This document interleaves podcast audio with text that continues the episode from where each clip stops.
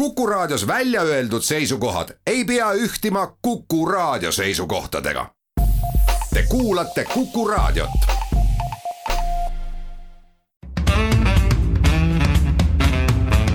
muuli ja Riikoja tere päevast, head kuulajad, kell on üksteist läbi, et on reedene päev, siis loomulikult ka saate Muuli ja Riikoja aeg ehk Tallinna stuudios on Kalle Muuli ja Indrek Riikoja on täna pisut stuudiost eemal. tere päevast. alustame tänast saadet sellega, kas siis on oodata, et Isamaa erakond taas lõhki läheb? teiseks räägime sellisest asjast nagu hipilaager, ega me vist hippidest ei ole rääkinudki, aga, aga vaevalt, et kui me see, seekord keskendume siis just just hipidele, räägime pigem tervisest räägime sellest, et äh, Euroopa Liidu riigijuhid jõudsid kokkuleppele suures äh, majanduse abipaketis, sisaldab see siis äh, seitsesada viiskümmend miljardit eurot laenu. pluss veel väga hulgaliselt muid asju kokku enam kui kaks, issand, ma ei oskagi öelda, numbrid lähevad nii suureks. räägime sellest, et Äh, esimene ports Ukraina töölisi jõudis siis äh, üle pika aja Eestisse. Neid oli üle saja viiekümne ja selgus, et neist kolm olid koroonahaiged. ja saate lõpetuseks, väga ammu pole me poliitreitingutest rääkinud. Äh, saatan peitub seekord detailides, nimelt Keskerakond on küll napilt, aga siiski langenud toetuselt kolmandaks erakonnaks. muuli ja Riikoja aga alustame siis esimese teemaga. Isamaa osad liikmed on loonud ühenduse Parempoolsed, sada üksteist äh, Isamaa liiget on sinna alla kirjutanud ja esimesed äh, hõikajad juba hüüavad sellest, kuidas Isamaa erakond on lõhenenud, äh, kuidas suur osa Isamaast on tüdinenud valitsuskoalitsioonist koos Keskerakonna ja EKRE-ga, sõidetakse äärmusluse vastu. mäss, mäss oli üks sõna, mida kasutati, mässavad. no vot, ma just Kalle ootasin, et millal sa nüüd vahele hõikad ja ütled, et ah, see jutt on kõik juba täielik jama. ma vastupidi ütlen, et, et mässavad, saad aru, mässavad. aga miks sina, Kalle, ei mässa, et äh, liinis ei ole, et sinu eelmine leivaisa Siim Valmar Kiisler, endine keskkonnaminister minister on ju selle saja üheteistkümne seas, tõsi, tuleb küll tunnistada, et äh, nii-öelda avalikkuse jaoks väga tuntud nimesid sisuliselt rohkem selles nimekirjas ei ole ja ma siin äh, eile hilisõhtul kiirelt üritasin umbkaudu kokku arvutada, et, et kui siin räägitakse, et tegemist on nii-öelda nagu väga mõjuka osaga, et kui palju näiteks viimastel Riigikogu valimistel äh, selle saja üheteistkümne nime taha hääli kogunes Isamaa koguhäälte saagist, siis noh, ütleme, et see häälte arv oli ikkagi pehmetudest napp. noh äh, mina isiklikult, kui sa, kui sa alustad äh, suurt ja üldist teemat nii isiklikult, siis võin ütelda, et mulle nende inimeste äh, vaated, kui ma seda, seda memorandumit Äh, loen, siis need tunduvad äh, äärmiselt sümpaatsed. et see ongi Isamaa juur ja Isamaa tuum. ja ma ei oska sinna küll midagi juurde panna ega midagi ära võtta, et äh, väga südamelähedane aga miks ma isik-. aga mõistad sa siis ka möönda, et tänane valitsuskoalitsioon ja see, millega Isamaa valitsuskoalitsioonis tegeleb koos oma koalitsioonipartneritega, siis tegelikult see tegevus on nendest, nendest Isamaa juurtest juba nagu päris kaugele läinud kindlasti mitte, seal on vahe selles, et kui sa vaatad Isamaa programmi, siis see erineb tunduvalt valitsuskoalitsiooni leppest ja nii on iga erakonnaga, et kui sa vaatad, mida EKRE on pannud enda programmi kirja ja vaatad, mida valitsuskoalitsioonis leppes on kirjas. siis need ka erinevad, lihtsalt koalitsioonileppesse läheb ainult see osa programmist, millega teised nõus on. Ja, ja, ja nii see on, aga ma isiklikult ei liitunud parempoolsetega sel lihtsal põhjusel, et päevas on kaks.... ei kutsutud? ei, päevas on kakskümmend neli tundi ja ma ei näe nagu põhjust olla lihtsalt linnukese pärast kuskil ühendustes, meil on erakonnas palju ühendusi usu või mitte, et rahvuslikus erakonnas Isamaa on isegi rahvuslaste ühendus olemas. on olemas kristlaste ühendus ja muid ühendusi. aga mul lihtsalt ei ole aega veel kuskile noh koosolekule minna, mingisuguseid seisukohti kujundada ja nii edasi, et ma teen kaheksa. aga kas sind kutsuti? põhimõtteliselt küll jah, ega, ega need ühendused on kõikidele erakonnas avatud et see, et selline ühendus tekib, ei ole mingi saladus erakonnas. see info liigub meililistides ja, ja erakonna liikmete vahel ja sellest on kõik informeeritud. et igaüks võib liituda ja võib ka praegu liituda, ma võin täna, täna minna ja, ja ühendusega liituda et need, need on erakonnasisesed ühendused ja selle eesmärk tegelikult Äh, ma saan aru, et keegi mind ei usu, kui ma seda ütlen. On lihtsalt erakonna poliitikat mõjutada või erakonna poliitikat kujundada. mitte erakonnast ära minna, mitte erakonda lõhkuda, mitte valitsusest ära minna, mitte erakonna juhtkonda vahetada. Need on kõik äh, noh, täiesti sellised jaburad ja, ja naerma ajavad äh, jutud, mis selle peale on nüüd räägitud. aga tõsi on see, et selliste ühenduste kaudu erakondade, erakonna liikmed püüavad erakonna poliitikat seestpoolt kuhugi poole mõjutada rahvuslased püüavad seal eesti keelele ja, ja, ja mingile rahvuslasele, rahvuslusele rohkem rõhku panna. ja, ja parempoolsed äh, keskenduvad eelkõige, nii palju kui mina aru saan, äh, rohkem äh, majandusele. ja, ja noh, mis on parempoolsete põhiasi, ongi majandus ja, ja isikuvabadustele nagu sealt nende dokumendist välja võis lugeda. et see on soov erakonna poliitikat ühte või teise poole natukene kallutada. Ja, ja muud seal minu meelest taga ei ole, kõik see jutt, mis ma täna Postimehe juhtkirjast lugesin, et kui õnnestub üle võtta Vabaerakonna tugevate tegijate tegijad ja, ja Vabaerakonna valijabaas. et siis oi taevas, mis kõik juhtub, no mida sa seal üle võtad, Vabaerakonnal oli üks koma kaks protsenti valijaid eelmistel valimistel. ja ükski kandidaat ei saanud neil üle viiesaja hääle.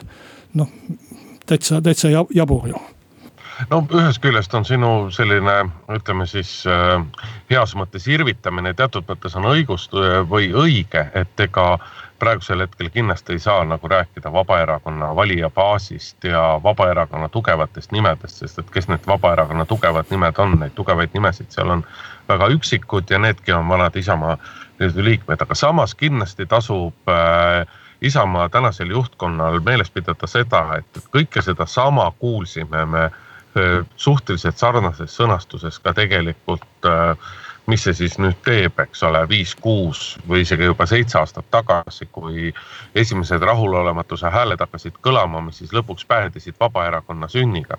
ja kui sa nüüd meenutad, siis äh, mitte nüüd eelmistel, vaid üle-eelmistel Riigikogu valimistel sai Vabaerakond täiesti nagu viisaka häältesaagi ja Isamaa toonastel valimistel oma häältesaagilt nii-öelda kaotas päris selgelt, et väga selgelt Vabaerakond võttis toona Isamaa, Isamaa hääli ära. Ja takkajärgi on ju nii mõnigi ütelnud, et, et Isamaa seis oleks palju parem, kui toonasel hetkel oleks neid rahulolematuid liikmeid rohkem kuulatud, oleks selle nii-öelda äh, Vabaerakonna tuumikuga ka rohkem nagu tööd tehtud, tööd tehtud, nendega koos asju arutatud, midagi nagu üle võetud, sellepärast et selles osas on, on kahtlemata õigus, et, et Isamaa parempoolsete praegune manifest, räägib Isamaa nii-öelda nagu põhiväärtustest. ta tegelikult ju räägib läbi lillede, mitte nimega otsesõnaliselt sellest, et ei ole mõtet teha nii-öelda EKRE laiti ja loota, et, et sellest siis saab sellest saab oma nii-öelda toetust uuesti tõusule suunata,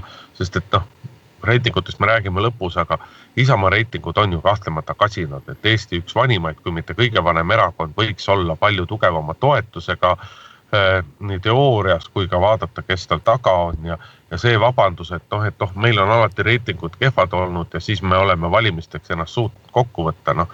vabanduseks kõlab see ilusasti küll, aga Isamaa toetus siiski ka nii-öelda valimistel jäi alla kümne protsendi et selles mõttes äh, siin. Isamaa toetus äh, valimistel siin... ei jäänud alla kümne protsendi vabandust, palju see oli, täpsusta mulle, kas see oli üksteist koma? üksteist koma kaks, võiksin Just. ma peast pakkuda. no aga, aga mööngem siiski, eks ole, et, et Isamaa toetus kõigi eelduste järgi võiks olla ka valimistel nagu märksa suurem. absoluutselt nõus, Indrek, hääleta meie poolt, ma, mulle see väga meeldiks no vot ei ole te andnud ikkagi viimastele valimistele sugugi mitte põhjust väga palju selleks, et, et, et mina ja, ja veel paljud teised võiksime teie poolt nagu hääletada, et. et teod, sõnad ja teod lähevad ikkagi liigagi tihti lahku ja, ja need sõnad, mis räägitakse, on ka tihtipeale sellised pehmelt öeldes nagu kummalised. et selles mõttes Helir-Valdor Seeder, ta kindlasti peaks kindlasti ja noh, ka teised juhatuse liikmed ja kõik, peaksid ka selle neid parempoolseid rohkem nagu kuulama, sellepärast et noh, see, kuidas eile teatati, et kuidas me teeme ka, kuidas seda vist veel nimetati, et kas perede ühenduse, et mida siis rahvastikuminister Riina Solman äh, hakkab äh,, hakkab juhtima, et noh, see on nagu selline naljategu, et ei ole mõtet nagu omasid hakata nagu naeruvääristama ja läbi lillede nagu mõnitama.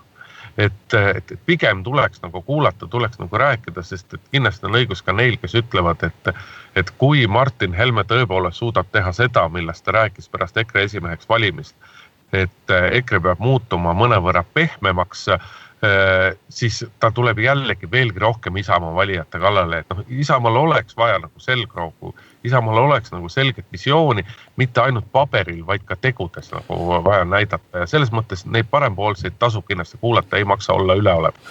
noh, tegelikult võiks ju mõelda ka selle poole, et peale, et suurtel erakondadel on isegi tiivad ja isegi, isegi sellised asjad, et äh, väga, väga põhimõttelistes küsimustes on erakondades eriarvamusi. et ma arvan, et see, et äh, Eesti erakondades äh, tekivad mingisugused sellised jõukeskused, et üks püüab saada EKRE-t pehmemaks ja teine tugevamaks, nii nagu sa äsja väljendusid, või et. või et Isamaa püüab ennast kuskile poole keerata, et see on täiesti normaalne nähtus ja sellest ei peaks noh, küll mingit sellist kõiki eriarvamusi. Kui palju neid tegelikult on erakonna sees, mis ei jõua välja, ei maksa nagu tõlgendada nii, et nüüd on maailma lõpp ja nüüd hakatakse kuskilt valitsust lammutama, et see on nagu kõige rumalam. No,, et Kalle, keegi ei räägigi sellest, et on maailma lõpp, aga sinu jutt ja retoorika meenutab juba vana head sellist nii-öelda nagu Edgar Savisaaret. Savisaare juttu, et ei, meil pole muret ühte, ei, meil pole viga midagi, vaadake, mis need teised, vaadake, kuidas neil, vaadake, mis nemad. ma ei ole, ma ei ole, ausalt öeldes ma ei ole äh, sõnagagi ühtegi teist erakonda kuidagi süüdistanud.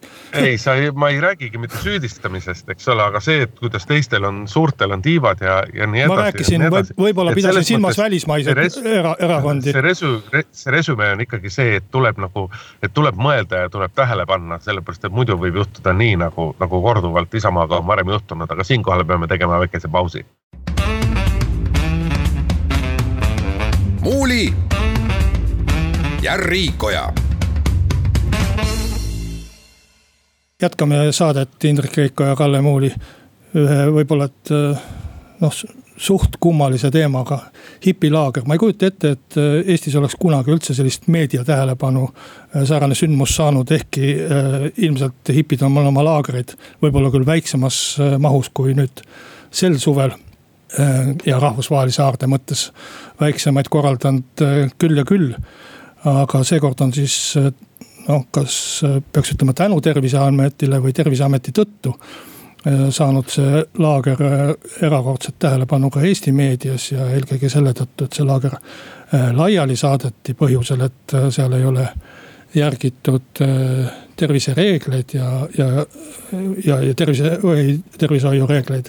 ja üks, üks võib-olla et kõige tähtsam Äh, rikkumine oli siis see, et lubati laagrisse ilma karantiinita äh, inimesi riikidest, kus, kust Eestisse tulles oleks pidanud olema kahenädalane karantiin, enne kui nad teistega kokku võivad puutuda no ega see küsimus ei ole ju seekord tegelikult mitte nii-öelda selles hipi laagris kui selliseid, eks üritusi on ju läbi suve toimunud, ohtralt toimunud ikkagi tunduvalt suuremaid kui see hipilaager. aga neid kõiki on iseloomustanud tänavu see, et äh, ürituse korraldajad on teinud terviseameti ja kõigi teiste instantsidega nagu väga tihedalt koostööd, nad on läbi arutanud kuidas korraldada inimeste liikumine, kui palju inimesi võib, arvestades seda, kus kohas üritus toimub ja nii edasi, nii edasi, nii edasi. ja ei oleks selle hipilaagriga juhtunud ju ka mitte midagi, kui selle korraldajad oleksid algusest peale nii-öelda toru tõstnud, oleksid oma plaanid nagu läbi rääkinud, oleksid näidanud, mis on, kuidas on, kuidas on korraldatud ja nii edasi. Aga teisest küljest on see hipilaagri küsimus muidugi noh, paljud ju küsivad, et kui esimese hooga nagu oli sihuke avalikkuses ja ajakirjanduses suhteliselt üksmeelne, üksmeelne tõdemus, et äh, kohaliku valla mure on täiesti õigustatud, sellega tuleb tegeleda ja nii edasi, siis kui noh, ütleme keskmisest pisut jõulisemate võtetega see üritusele piir peale pandi, see üritus ära lõpetati, noh siis on hakanud ka rääkima, et kas oleks pidanud nii jõuliselt, kas oleks pidanud nii teravalt ja nii edasi. aga kõik see on nagu selles mõttes tagantjärgi tarkus et äh, aga kindlasti vajaks nagu täpsemat reguleerimist see, kuidas võib käituda Tervisekaitseamet, mis on, mis on ka reeglid inimestele, kes korraldavad ipilaagri kohtagi on ju öeldud, et tegemist oli sisuliselt erapeoga, pisut suurema hulga inimestega, erakogunemisega. et millised on nõudmised erinevatele üritustele, nii eraüritustele kui ka, kui ka avalikele üritustele mis, äh, milliseid nõudeid tuleb jälgida. et noh, see koroona on kõik asjad ajanud äh, tavapäraselt hullemaks ja noh, me elame mõnevõrra nagu kummalises ajas, et eks see kõik tegelikult taandub nagu sellele. noh, see oli nüüd natuke imelik jutt, need reeglid on ju olemas ja, ja seda laagrit ja ühtegi teist laagrit ei saaks ju ära jätta või laiali saata, kui neid reegleid ei oleks ja need reeglid Äh, andis äh, valitsuse kriisikomisjon ja need volitused andis valitsuse kriisikomisjon terviseametile üle siis, kui äh, lõpetati Eestis eriolukord. ja nende volituste alusel ja need on täpselt kirjas, terviseamet ka tegeleb. ja täpselt on ka kirjas need riigid ja neid, neid nimekirju pidevalt uuendatakse, kustkohast tulijad Äh, peavad olema karantiinis ja kust nad võivad äh, ja kui ja need riigid, kust ei pea siis olema karantiinis. et äh, selge see, et kindlasti on väga palju Eestis inimesi, kes ei ole sellest informeeritud. aga põhimõtteliselt need reeglid on kõik avalikult olemas ja, ja avalikult kättesaadavad. ja eriti kui keegi neid küsiks terviseametist, mis oleks ju loomulik, kui ma korraldan sellist rahvusvahelist üritust et siis neid ka järgitakse, aga eh, mis mulle tundub. ei, aga vaata, Kalle, seal on see küsimus, et mis asi on see rahvusvaheline, eh, mis asi on see rahvusvaheline üritus, et kui mina korraldan, kui mina korraldan enda, enda kodus äh, ma ei tea, oma lapse sünnipäeva, kutsun sinna kokku, ütleme sada inimest inimesi erinevatest riikidest ja nii edasi. kas siis tegemist nii-öelda, millega siis on tegemist õigupoolest, et, äh, et jah, et kui inimesed tulevad välismaalt, siis karantiini äh, ja neile kehtib karantiininõue, siis nad loogiliselt võttes peaksid seda, peaksid seda täitma ise. Nad ei täitnud, ongi kõik. Nendele külalised siis kas ma saan võtta, kas mina pean võtma vastutuse selle eest, nad karantiinis oleksid, kui nad ütlevad mulle, et aga nad on juba olnud kaks nädalat karantiinis, kas ma pean sellega leppima, kas ma pean seda kuidagi kontrollima. et vaata noh, sellised küsimused noh nagu tekivad, ma ei taha selle kõigega öelda, et terviseamet oleks seekord käitunud nii-öelda nagu kuidagi valesti või. et, et elu on näidanud, et eh, pigem nii-öelda natukene rohkem kui pigem natukene vähem, sellepärast et noh, ma ei tea, kas nüüd paralleel Itaalia võrkpallimatšidega Saaremaal märtsikuus on on päris nagu õiged aga, aga olemuslikult ikka. aga mis mind äh, nende käsitluste juures natukene äh, niiviisi häirib või, või kummastust tekitab, on eelkõige see, et. et äh, käsitletakse hipisid nagu mingisuguse ühiskonnavälise osana, et, et noh, vot hipilaagrit ei oleks tohtinud laiali ajada, et kõiki muid nagu võib võib reeglite ja õigusnormide järgi kohelda aga, aga hipilaager on mingi selline eriline asi, et no vot küll nüüd tehti halvasti, et tegelikult ju mõned üritused on ka ära jäetud. Äh, Saaremaal keelati või ei antud luba õigemini korraldada ühte muusikafestivali, Island Sound või mis see, mis selle nimi oli. et, et selliseid juhtumeid on ju olnud küll Äh, et kui korraldajad ei suuda tagada äh, neid nõudeid ja nendest kinnipidamist. aga kui sa ütled, et äh, sa tahaksid endale rahvusvahelist sünnipäeva teha saja inimese osavõtul. no siis kõige lihtsam viis seda teha on sel viisil, et sa lähed lihtsalt terviseameti koduleheküljele, vaatad sealt reegleid ja kui nendest lugedes aru ei saa, siis helistad sinna ja, ja küsid. ja kõik saab selgeks, aga tegelikult peavad need inimesed ise pidama nõuetest kinni, kes tulevad ja, ja, ja nii lihtne see ongi, et. ma arvan, et siin hämada sellega, et, et noh, me ei teadnud ja me ei saanud teada ja küll on raske ja riik ei informeeri, et see on lihtsalt selline. inimesed ei viitsinud lihtsalt äh, süveneda ja ongi kõik Muuli ja Riikoja. tere tulemast tagasi, head kuulajad, saade Muuli ja Riikoja läheb edasi, Kalle Muuli Tallinna stuudios, Indrek Riikoja pisut eemal, räägime nüüd Euroopast ja Euroopa rahaasjadest. terve pika nädalavahetuse olid Euroopa Liidu valitsusjuhid Brüsselis, üle kuude oli pääsetud välismaale, aga noh, vaevalt, et nüüd sellest välismaale pääsemise ärevusest kokkuleppele ei tahetud kuidagi jõuda. lõpuks esmaspäeval siis ikkagi jõuti kokkuleppele seitsmesaja viiekümne miljardi euro suuruse majanduse taaskäivitamisfondi loomises ja ka järgmise seitsme aasta Euroopa Liidu eelarvekavas, mille suurus siis kokku on üks koma kaheksasada kakskümmend neli triljonit eurot. no selle summa peale ei oska nagu midagi öelda, aga, aga vast olulisem ongi praegu see seitsmesaja viiekümne miljardi euro suurune taaskäivitumi-, majanduse taaskäivitamisfond, millest osa siis peaks olema nii-öelda puhas äh, laenuraha, mida riikidel on võimalus Euroopa Komisjoni vahendusel võtta, aga ei ole otsest kohustust võtta ja nii-öelda präänik peaks olema siis riikidele just see, et äh, laenu saab äh, odavamalt kui ükski riik eraldiseisvalt võtta saaks ja teine osa siis peakski olema sellest rahast ka nii-öelda abirahad, mida hakatakse siis ühtemoodi katma ja noh, ega Euroopas äh, arvamusi on äh, mitte ainult erinevate riikide sees, vaid ka riikide vahel nii ja naasugused, sellepärast ka see koosolemine pea nelja päeva pikkuseks venis ja läbirääkimised pea nelja päeva pikkuseks venisid äh, esmapilgul Eesti võiks öelda, et kaubeldud on selles mõttes kasudega, et äh, Eesti peaks saama raha sellest fondist rohkem, äh, kui me sinna ise omalt poolt nii-öelda nagu panustama peame. Ja, ja see on olnud ka mitmete ministrite argument, et, äh, et ega me laene niisama ära ei põleta ja me peame ikkagi olema rahul sellega, kui me saame rohkem, kui me vastu anname. Noh, valitsuse liikmete rõõm oli ilmselge, et kui vaadata peaministri või, või, või isegi rahandusministri, kes ju noh, tükk aega oli pika hambaga suhtus sellesse äh, kokkuleppesse äh, ilmeid ja, ja tekste, siis äh, siis on, on ilma numbreid vaatamatagi aru saada, et me saame palju raha aga, ja, ja lühiajalises perspektiivis võikski olla rõõmus, et see seitse aastat kindlasti toob meile, toob meile Euroopast rahalaevu rohkem, kui me sinna saadame.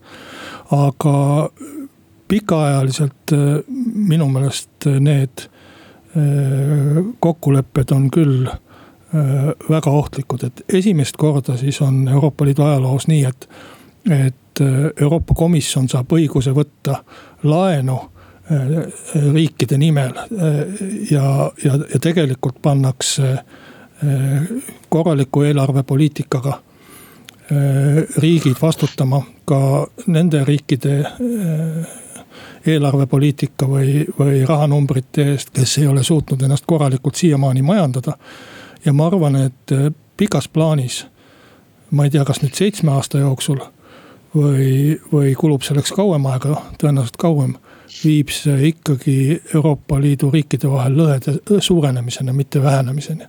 et need riigid, kes peavad võtma nüüd endale koormat äh, Lõuna-Euroopa riikide eest. Äh, ma arvan, et nendes kindlasti tekib selliseid poliitilisi jõude, kes ütlevad, et äh, nii see asi ei lähe. mina prognoosiks, et võib-olla, et esimene riik, kes hakkab mõtisklema Euroopa Liidust lahkumise üle on hoopis Rootsi. mitte, mitte kuskilt Kesk-Euroopast, et, et eks ta serva pealt hakkab ikkagi pudenema.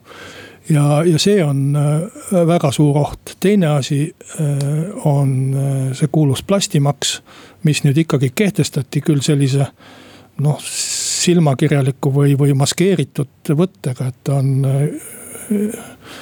riikide sissemakse Euroopa Liidu eelarvesse, siis sõltub sellest, kui palju on plasti taaskasutatud või taaskasutamata jäetud. ja, ja noh, ükskõik kuidas me seda vaatame, ta ikkagi on, on üle-euroopaline maks, ehkki veidi maskeeritult ja veidi nagu pehmendatud kujul. et need äh, asjad minu meelest on äh, ikkagi üsna, üsna halvad asjad, vaatamata sellele, et me saame palju raha. ja noh, Eesti-siseselt on küsimus selles, et kuidas, kes ja mismoodi siis otsustas, et need rahad lähevad just sinna, kus nad lähevad, ehk siis põlevkivitööstuse vähendamiseks, äh, Rail Balticuks ja, ja, ja muudeks sellisteks asjadeks. et tegelikult ju Eesti riigikogu ei ole täiskoosseisus äh, neid äh, raha jagamisi arutanud ja ehkki raha tuleb suures osas Euroopast, tuleb meil kindlasti noh, oma osalusega seal ju osaleda, nii et meid puudutab see kindlasti ka sa kõlad paljuski nagu EKRE Euroopa Parlamendi saadik Jaak Madisson, kes on olnud tegelikult läbi kogu selle protsessi üks nagu tugevamaid kriitikuid kogu sellele ettevõtmisele, samal ajal kui rahandusministri portfell on ju ka EKRE käes ja rahandusminister on sellele asjale oma heakskiidu andnud, noh, sa räägid juba kaugematest asjadest. mina räägiks kõige esimesena ikkagi sellest, et, et jah, et ühest küljest siin räägitakse suundadest, kuhu ka Eestis see raha võiks minna, aga tegelikult ei ole ju siiamaani nagu päris päris selge see, et kui kiiresti hakatakse seda raha jaotama, millistele projektidele, millistel alustel, mis on omafinantseeringu määrad ja nii edasi. aga et kui seda nimetatakse nagu äh, majanduse taaskäivitamisfondiks ja taaskäivitamiseks siis selles mõttes, et pärast nüüd äh, tänavu kevadel ja suvel ja noh, tegelikult paljusid riikisid ka praegu vaevavad koroonakriisi, siis äh, selle jaoks, et oleks abi selle kriisi lahendamisel, on abi vaja väga ruttu, seda abi on vaja sisuliselt kohe või äärmisel juhul homme ja ülehomme. aga nii kiiresti ei saa need meetmed sellest rahastusest kindlasti mitte valmis. ehk tegelikult selleks hetkeks, kui sealt on võimalik nii-öelda raha hakata kulutama või raha hakata kasutama, ei ole koroonakriisi lahendamiseks enam mingisugust abi. noh, teine küsimus on see, et sa ütled ka, et noh, et riigid hakkavad, et osad riigid hakkavad teiste, teiste võlgu kinni maksma, teiste majandust toetama. no on väga suur küsimus, et millal ja kas üldse sealt võetud äh, selle projekti raames võetavaid laene tagasi makstakse. või on see praktika ikka selles, et neid laene hakatakse järjest refinantseerima, refinantseerima, refinantseerima. sellepärast, et üks argument ju, millega Euroopa Komisjon on, on puu, püüdnud seda asja nii-öelda läbi suruda ja ka kriitikute hääli lämmatada on ju nii-öelda mitteametlikult olnud see, et mis need praegused valitsusjuhid äh, muretsevad. Nemad ei pea selle laenu tagasimaksmise pärast kunagi muretsema hakata, hakkama, kuna kõik see on lükatud nagu liiga kaugele ma ei ole sellist argumenti kuulnudki, aga äh, ju ma olen siis kehvasti jälginud, aga, aga, aga, aga Ka,. Kalle, tead, ma tahaks sulle öelda, et sa ei ole mitte ainult kehvasti jälginud, vaid sa oled ka kehvasti iseennast kuulanud, sellepärast et ka varasemates saadetes oled sa ka ise seda tahku sellest välja toonud. et seda argumenti ma pidasin silmas, et äh, praegused valitsused, juhid ei vastuta, see on, see on ju selge, et nad ei vastuta, et äh, äh tavaliselt valimistsüklid ongi kolm-neli aastat, mitte, mitte seitse nagu Euroopa äh, eelarve ja rääkimata. küll, aga vaata selle, selle raha tähtajad on nii pikad, et me ei räägi siin mitte ainult ühest valimistsüklist, vaid kohati me räägime siin mitmetest, kolmest-neljast valimistsüklist. mis tegelikult minu meelest nende laenude puhul eh, on eh, selline asi, millest üldse keegi juttu ei tee, on, on ju küsimus sellest, et on euroreeglid, on ette nähtud laenu ülempiirid SKP-st on on, on igasugused karmid reeglid, millega kogu aeg on riike ähvardatud juba aastaid ja aastaid. ja Eestit samuti, eelarve tasakaalu reeglid ja nii edasi.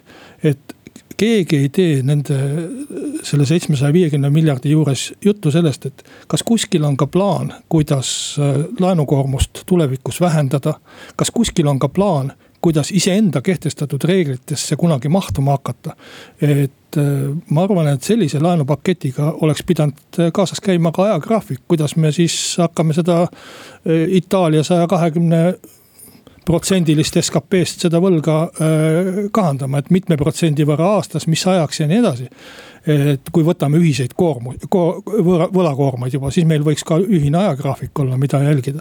aga noh, see on kõik selline utoopia, kõik lükkavad äh, selle vastutuse kuskile tulevikku. ja, ja, ja mõtlevad, et äkki läheb see hirmus vabadus meist mööda, ma, ma, ma kardan, et ei lähe Urmas Reinsalule tahaks lõpetuseks jah meelde tuletada, et see kõlab küll hästi, et me saame rohkem, kui me anname, aga tegelikult tasuta lõunaid ei ole kunagi olemas olnud, aga teeme siinkohal väikese pausi Muuli ja Riikoja.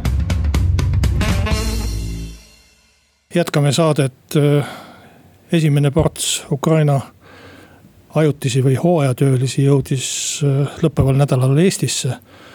Natuke üle saja viiekümne inimese tuli ja nendest siis testimisel minule päris suure üllatusena, ma mõtlesin, tulevad ikkagi juba noh, need inimesed, kes on ennast kontrollinud ja testinud kodumaal. avastati siis Eestis kolm koroonahaiget, mine tea, võib-olla neid tuleb juurdegi sellest seltskonnast, sest ühes lennukis nad sõitsid ja, ja, ja kaua see peiteaeg kestab. aga, aga siiski viiekümne inimese kohta üks haige ehk siis kaks protsenti ma arvan, et see on äh, üllatavalt äh, suur tulemus. ja kui me nüüd mõtleme tagasi äh, nendele nurid, nurinatele, mis oli maikuus, kui meil endal oli eriolukord. et miks ei tooda siia võõrtöölisi ja miks ei tooda siia maasikakorjajaid ja nii edasi. et et tol ajal, kui meil endal oli võimekust vähem ja oli vaja enda haigetega tegeleda. oleks siia veel toonud, ma ei tea, tuhandeid võõraid, kellest iga viiekümne kohta üks oli haige. et see kindlasti ei oleks nagu mõistlik tegevus olnud ja, ja, ja ma arvan, et see lennukitäis see väike lennukitäis, kus oli kolm inimest haiget, näitab ka seda, et tegelikult Ukrainas need numbrid ei vasta tõele et ilmselgelt seal kas ei testita või, või, või mis iganes põhjus see on. aga no nii suur protsent tööle tulijatest on haiged, see on täiesti imelik no isegi Donald Trump räägib sellest, et testime vähem, siis on numbrid paremad, aga noh, see selleks. eks see suhtarv üks viiekümnest on loomulikult, on loomulikult, loomulikult palju aga eks ta paljuski on tingitud ka sellest, et kogu see, kogu see asi toimus nii-öelda viidi läbi väga kiirustades, et oleks ilmselgelt olnud vaja rohkem aega oleks pidanud nii-öelda asjad paremini korraldama just nimelt selles mõttes, et ka Ukrainas oleks need inimesed läbinud juba eelnevalt testimise ja nii edasi, seda ma saan aru, praegu nagu tehtud ei ole et, et see on kindlasti kivi põllumeeste kapsaaed, aga eks nende, eks neid tuleb selles mõttes nagu mõista ka, et, et see, kuidas valitsus on kogu selle asjaga kuude kaupa muudkui venitas, venitas, venitas.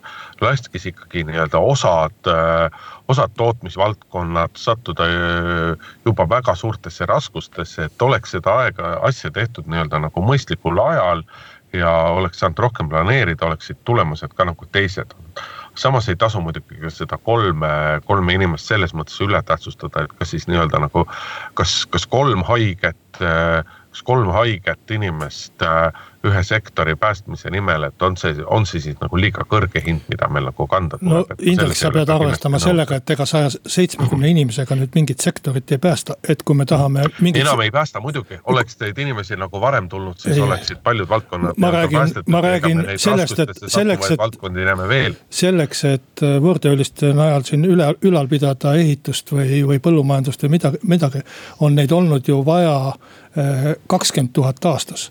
Ja kui me kujutame ette, et eh, need kakskümmend tuhat aastas peaks tulema sellise protsendiga, et eh, kaks, eh, kaks protsenti nendest on haiged. et praegu, kui meil endal ei ole seda viirust, me jõuame seda jälgida ja kontrollida aga kui meil endal oleks viirus samal ajal sees, siis lihtsalt ei saa seda lubada. et see läheb nii kalliks, kui meil tekib kasvõi ükski kolle siia, suurem kolle Äh, nakkuskolle, et läheb see mingisugune Ukraina tööline, kellel on nakkus, läheb kuskile sünnipäevale. või läheb mingile rokk-kontserdile vaba, vabal päeval. ja, ja tulemus on see, mis oli Itaalia võrkpallivõistlusega. noh, seda, seda kahju ei jõua mitte keegi kinni maksta, et äh, need mõni tonn maasikat läheb meile nii kalliks sel juhul. et muidugi risk, et see juhtub, võib olla väga väike. aga, aga no sellist hinda ei saa maksta, et äh, me kuulutame jälle, et Eestis on nakkus, et turistid siia ei tule ja meie enda inimesi siit välja ei lasta, sellepärast et me tõime siia äh, nakkuse jälle sisse kuskilt no risk on muidugi kõrge ja sellist hinda me muidugi maksma ei peaks, aga vot kõige selle vastu aitab nagu võidelda mõistlik koostöö, aga seda mõistlikku koostööd just valitsuse poolt ei ole olnud Muuli ja Riikoja. ja saate lõpetame üle väga pika aja reitingute teemaga, nimelt on Emorist tulnud värsked äh, erakondade toetusreitingud. liider on ikka liider on ikka Reformierakond, aga mis on siis märkimisväärne, on see, et esimest korda üle väga pika aja on Keskerakond toetuselt langenud kolmandaks, ehk kui Reformierakonnal oli kolmkümmend üks protsenti toetus, siis EKRE toetus oli kaheksateist protsenti ja Keskerakonnal seitseteist protsenti. ja noh, muidugi omaette noh, ma ei tea, kas kurioosum või kuidas seda öelda ehk et Eesti kakssada on äh, stabiilsed neljakümne, neljateistkümne protsendise toetuse juures. Noh, kas ta nüüd stabiilselt on, viimati vist oli natuke vähem, aga, aga, aga põhimõtteliselt eks sellised numbrid muudavadki need äh, küsitlused äh, noh, sisuliselt võiks ütelda naeruväärseks, aga võiks ütelda ka ebausutavaks. et kõik saavad ju aru, et kui EKRE-t ja Eesti kahtesadat lahutab küsitluses sisuliselt ainult statistiline viga, mis on ette nähtud äh, küsitluses endas juba oma metoodika poolest. et siis äh, väga, väga suure tõenäosusega see küsitlus äh, peegeldab midagi muud kui tegelikkust. noh, ma arvan, et täpselt samamoodi võivad olla siis ka nihkes mingid muud numbrid, et ei hakka siin ennustama, mis aga see, et EKRE on ühe protsendipunkti võrra Keskerakonna ees, see on selline, selline olukord, mida on ju ennegi olnud siin enne valimisi või vabandust, pärast valimisi tekkis äh, Keskerakonnal suur mõõn ja nii edasi. Äh, ma arvan, et äh, tegelikult on ikkagi tähtis see, mis numbrid on sul valimiste eel ja, ja millised tulemused sa valimistel saavutad, et see, et Eesti kahesajal on neliteist protsenti toetust. et äh, ma pakuksin, et äh, kohalike valimiste ajal on neli see protsent, kui läheb hästi? No ma isegi julgeksin arvata, et see protsent ei pruugi olla nelja, see võib võib-olla mõnes suuremas linnas neli olla, aga, aga samas noh, ei maksa nüüd ka nii-öelda uuringu korraldajaid risti lüüa, et see ongi alati paratamatus, et eh, nii-öelda erakondade toetusreitingud ja valimistulemused on erinevad ja nad on erinevad just nimelt selle poolest, sellepärast, et et, et valimispäeval on see siis nii-öelda internetis arvuti ees või valimiskasti juures. inimesel on, tal on ees nimekiri, tal on ees nimed ja, ja ta otsustab selle üle, et kas ta ühte või teist inimest on valmis toetama või mitte ja seal nii-öelda nagu erakond, kas nüüd teisejärguliseks, aga selle erakonna roll või olulisus nii-öelda langeb, langeb üksjagu. ja noh, ja see ongi, et ega ka see on, kui me võtame viimastest valimistestki, noh nii-öelda Vabaerakonna, sellesama Eesti kahesaja ja, ja mõnevõrra ka nagu EKRE, et neil, nad kõigi, kõik olid ju hädas sellega, et tuntud inimeste nimede pink on nagu ja, ja tõsiseltvõetavalt inimeste nimede ja, ja, ja, ja valik nii-öelda on nagu väga lühikene. Noh, üks asi on nimed, aga teine asi minu meelest, mida see neliteist protsenti Eesti kahesajal peegeldab, on teatud inimeste ootus millegi uue järgi valija väsib ja tüdib üsna kergesti ühtedest samadest nägudest, nagu sa rääkisid, aga ka ühtedest samadest erakondadest ja. ja, ja ma arvan, et see neliteist protsenti. ma sellega küll muidugi päris nõus ei ole. mitte, mitte parlamendis oleva ja kõige uuema erakonna puhul on vist kõige uuem, ma arvan, et elurikkus moodustati enne, aga, aga mine tea, no nii või teisiti. et selle puhul on, on ootust või soovi selle järgi, et noh, midagi muutuks, midagi oleks teistmoodi, ükskõik mis ja kuidas, et see, see peegeldab minu arvates sellist, sellist soovi näha teisi nägusid ja teisi erakondi ja see on selline mõistetav äh, soov, ma, ma arvan, mis tekib äh, iga mõne aasta tagant valijatel. või vähemalt mingil osal valijatel, antud juhul siis neljateistkümnel protsendil aga eks hoiame ka neil reitingutel silma peal, vaatame, mida järgmised kuud toovad. tõe siiski muidugi tuleb järgmise aasta sügisel, kui on kohalike omavalitsuste valimised. siinkohal tõmbame tänasele saatele joone alla. Kalle Muuli, Hindrek Riika olid saates ja nädala aja pärast kuuleme jälle. ilusat nädalavahetust